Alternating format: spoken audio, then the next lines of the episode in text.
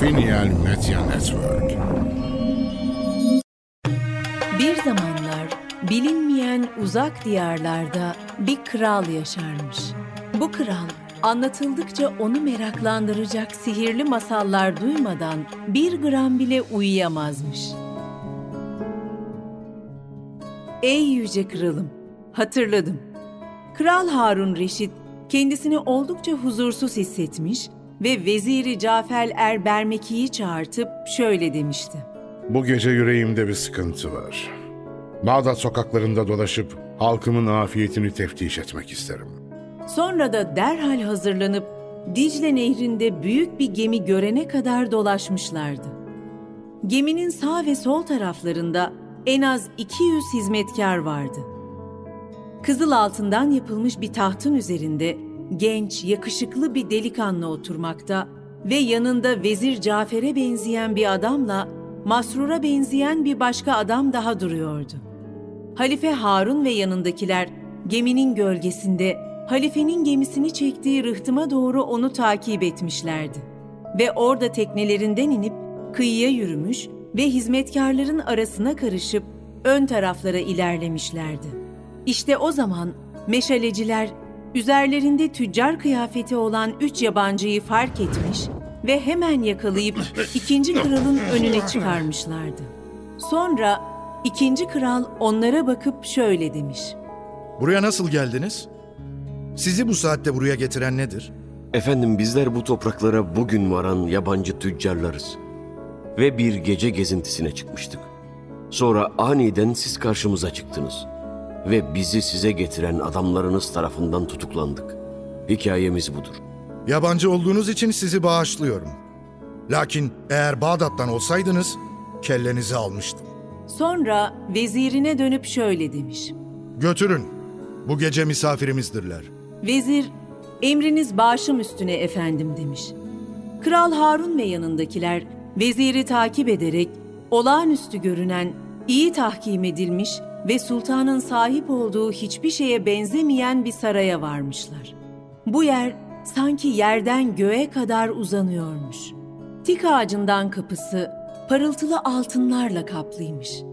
Kapıdan geçenler ortasında görkemli bir çeşme olan genişçe bir salona varıyorlarmış. Salon halılar, masalar, koltuklar ve sırma işli yastıklarla doluymuş. Yerlere kadar uzanan perdeler ve göz kamaştırıcı mobilyalar da cabasıymış. Kapıya kazınmış şu mısralar gözlerine çarpmış. Bu saray selam ve hayırların üstüne kuruludur. Burada günler huzur ve mutlulukla doludur. İçinde çeşit çeşit kerametler ve mucizeler yaşanır. İşte bundandır. Hiçbir kalem onun hakkını veremez.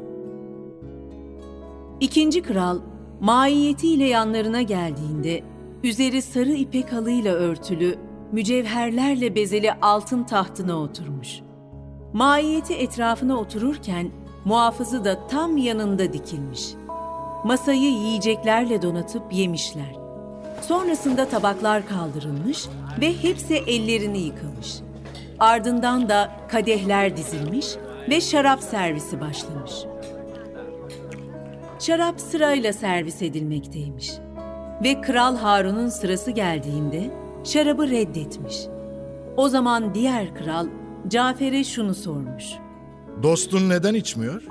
Efendim o çok uzun zamandır içmedi. Dostunun damak tadına uyacak bir içeceğimiz daha var. Elma şırası. Ve hizmetkarlarına diğer içecekten getirmelerini buyur etmiş. Onlar da getirmişler. İkinci kral Harun Reşid'e eğilip şöyle demiş. Sıran geldiğinde bundan iç. Hepsi sarhoş olana kadar eğlenceye ve içmeye devam etmişler. Bir ara Kral Harun Cafer'e şöyle demiş. Allah'tan biz böyle şeyler içmeyiz. Acaba bu genç adamın hikayesi nedir? Harun ve Cafer'in aralarındaki gizli sohbet devam ederken ikinci kral onların fısıldadıklarını görerek şöyle demiş. Fısıldaşmak saygısızlıktır. Vezir de şöyle demiş. Niyetimiz saygısızlık değildir. Dostum diyordu ki, onca diyar gezdim, ulu krallarla yiyip içtim, Birçok soyluyla bir arada bulundum. Lakin şimdiye dek ne buradaki kadar muazzam bir düzen gördüm ne de bu geceki kadar enfes bir gece geçirdim. Gel gör ki Bağdatlıların da dediği gibi sohbet etmeden içmek başı ağrıtır. İkinci kral duydukları karşısında gülümsemiş ve rahatlamış. Sonra da elinde tuttuğu tokmakla gonga vurmuş. Birden bir kapı açılmış ve bir hizmetkar elinde fil dişinden yapılmış, parıltılı altınlarla işli bir koltuk taşıyarak girmiş. Arkasından da etkileyici güzellikte, zarif ve narin görünümlü bir cariye girmiş. Gökyüzü kadar berrak, güneş gibi parıldayan cariye, hizmetkarın yere koyduğu koltuğa oturmuş. Cariye elinde Hint zanaatkarların yaptığı bir ud tutmaktaymış. Udu dizlerine koyup çocuğunun üzerine eğilen bir anne gibi eğilmiş. Ardından da şarkılar söyleyip izleyenlerin yüreklerine, gözlerine ve kulaklarına hitap eden 24 değişik besteyle onları eğlendirmiş. Cariye'nin okuduğu bestenin sözleri şöyleymiş. Kalbimdeki aşk seni konuşur, seni söyler. Benim yerime sana nasıl meftun olduğumu o anlatır. Ve içimdeki acıya o şahittir. Uzun yıllar var ki gözlerimde yaşlar kurudu. Senden önce aşk nedir bilmezdim. Tanrı seni kaderime yazmış, alnıma kazımış. İkinci kral şarkının sözlerini duyduğunda yüksek sesle bir nara atmış Eyvah! ve şarap kadehi kendisine uzatıldığında gongu yeniden çalmış. Birden kapı yeniden açılmış ve bu kez başka bir hizmetkar elinde altından yapılmış bir koltukla arkasında ilk cariyeden daha güzel bir cariye ile içeri girmiş. Cariye koltuğa oturup görenleri gıpta ettiren udunu kucağına almış ve sözleri şöyle olan bir beste okumaya başlamış. Hasretin yüreğimi yakarken ve gözümden yaşlar durmadan akarken seni nasıl beklerim? Tanrı şahit yaşamak haram bana. Acılarla dolu bir kalp nasıl mutlu olsun ki? Genç adam bunları duyduğunda Ah, bir ah. nare daha atmış ve tahtından düşüvermiş. Sonra ayağa kalkıp kendine çeki düzen verip oturmuş. Şarap kadehi yeniden ona geldiğinde de gongu üçüncü kez çalmış. Koltuk taşıyan başka bir hizmetkar ve ilk ikisinden daha da güzel bir cariye girmiş bu kez. O da koltuğa oturup udunu çalarak bestesini okumaya başlamış. Hasretine son verip acımasızlığı bırak.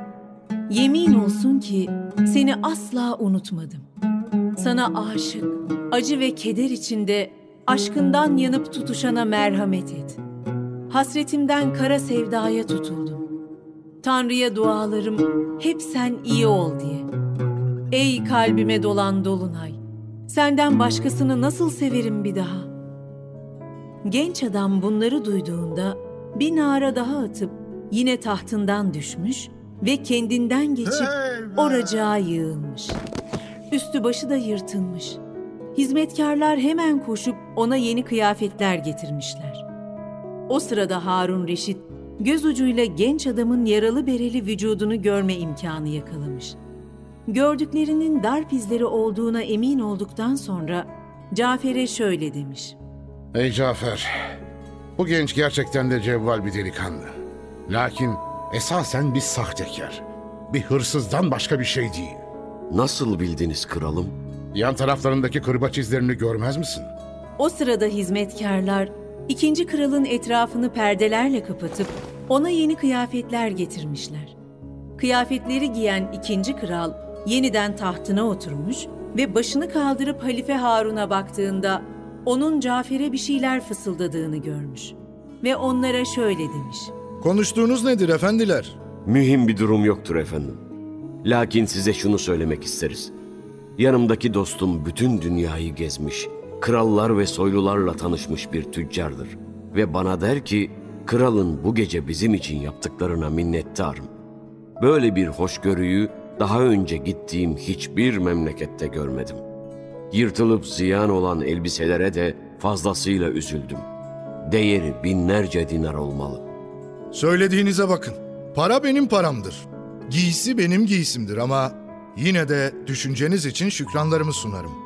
Sonra şarap kadehleri el değiştirmeye devam etmiş ve eğlence sürmüş. Harun Reşit Cafer'e şöyle demiş. Ey vezirim, adama vücudundaki yaraları ve morlukları sor bakalım ne diyecek. Acele etmeyelim. Sabırlı olalım efendim. Sabır erdemdir. Hem başım hem de El Abbas'ın mezarının üzerine yemin ederim ki hemen sormazsan nefesin kesilinceye dek boğazını sıkarım. O vakit genç adam vezire bakıp şöyle demiş.